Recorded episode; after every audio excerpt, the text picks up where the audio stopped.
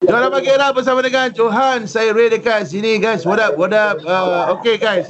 Kita nak uh, borak lah dengan uh, yalah dengan salah seorang uh, peniaga ataupun memang owner kedai lah eh. Ni kedai barber. Kedai gunting rambut. Ha, dan nak bagi tahu kan korang semua kan kedai-kedai gunting rambut sekarang ni pun dah boleh buka. Jadi ah ramailah orang yang akan beratur berpusu-pusu nak pergi ke kedai gunting rambut nak gunting rambut. Okey?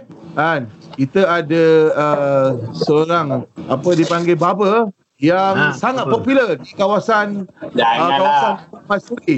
Ah, Ya. ya. Okey, kita perkenalkan dulu lah eh. Ini terbaik guys. Kita ada Faiz. Ni aku nak cerita pasal ni lah sebab sekarang ni uh, kerajaan dah membenarkan untuk membuka uh, kedai gunting rambut dengan uh, syarat mengikut uh, segala SOP yang telah di, uh, disyaratkan. Betul. Okey, antara antara uh, SOP-nya tu uh, a- apa yang yang yang yang kau ikut? Aku nak tahu. Sekarang, sebab sekarang ni kerajaan tengah tengok ni. Memang sekarang kita orang kena pakai glove lah. Itu benda yang paling kekok lah dan yang tak best lah. Paling tak best. Kenapa eh? Sebab apa?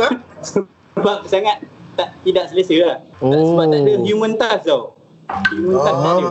Faham. Ah, ah, so sangat ingat memang tak comfort lah. Dan sekarang Oh. sem, ah, dan apron pun kena pakai buang sekarang. Apron Oh. untuk apa? Ni Apron macam kita macam apply untuk ah, si ah, customer ha. kena pakai buang cutting gap. Oh, okey lah masak juga engkau ni. Pasal apa engkau daripada kedai engkau ni daripada pagi sampai ke malam penuh saja kan? Tak pernah yang kosong. Betul? Tapi bila kau pakai benda tu kau tak rasa gimas kau. Rimas be. Rimas bang. Rimas. Itu baru kau pakai kau bayangkan macam mana frontliner kita yang pakai Frontliner pakai. Sekejap, sekejap. Ah. Ah. Okey, Ni betul, macam betul, orang nak betul, bagi kedai kau macam mana? Macam nak masuk Sekarang? kedai adakah kau Oh, check dulu ke daripada apa macam mana? Ah. Semua kena by booking. Eh, by booking Oh, lah. Paiman nak Paiman. Ya yeah, betul. Sehari sebelum. Kena call dulu sebelum datang sehari sebelum. Majority Aha, aha. uh-huh. the barbershop dah buat macam tu dah. Tapi macam korang macam mana? Uh, kau punya customer terima ke tidak cara-cara tu? Agak kekok tapi insyaallah benda benda benda bagus sebenarnya. Hmm. Sebab waiting list pun dah, dah, dah jadi tak lama. Satu hari berapa ramai? boleh target pun dalam sehari 9 orang. Sebab working hours pun 9 jam je. Ah. Sampai pukul apa? Mm-mm. Tapi yang penting, yang penting uh, apa appointment tu yang paling penting kan. Kalau betul lah kau ni kau, kau tukang rambut ke? Kau ni ke, ke tukang, tukang tukang cuci rambut dia. Kau jangan ah, aku aku tak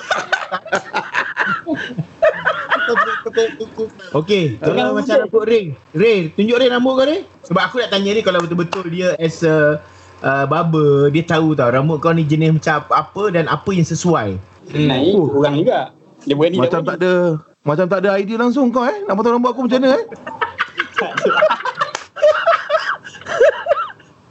Babe, macam ni. Aku sebenarnya telefon kau ni juga ada hajat. Ah, kita orang Yalah. ni macam aku nak buat video tau. Datang kedai kau, gunting rambut kan. Understand? Kau kau Faham. guntingkan kan.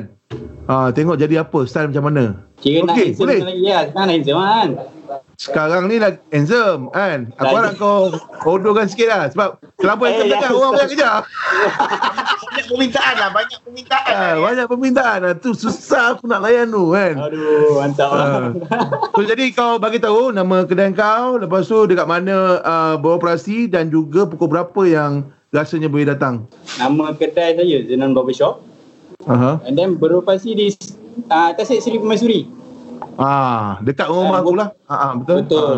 Apa working hours daripada pukul 10 sampai pukul 7 last call. Dan the best time kalau nak datang pagi eh. Ah. Okey, tak apa. ah, macam ni.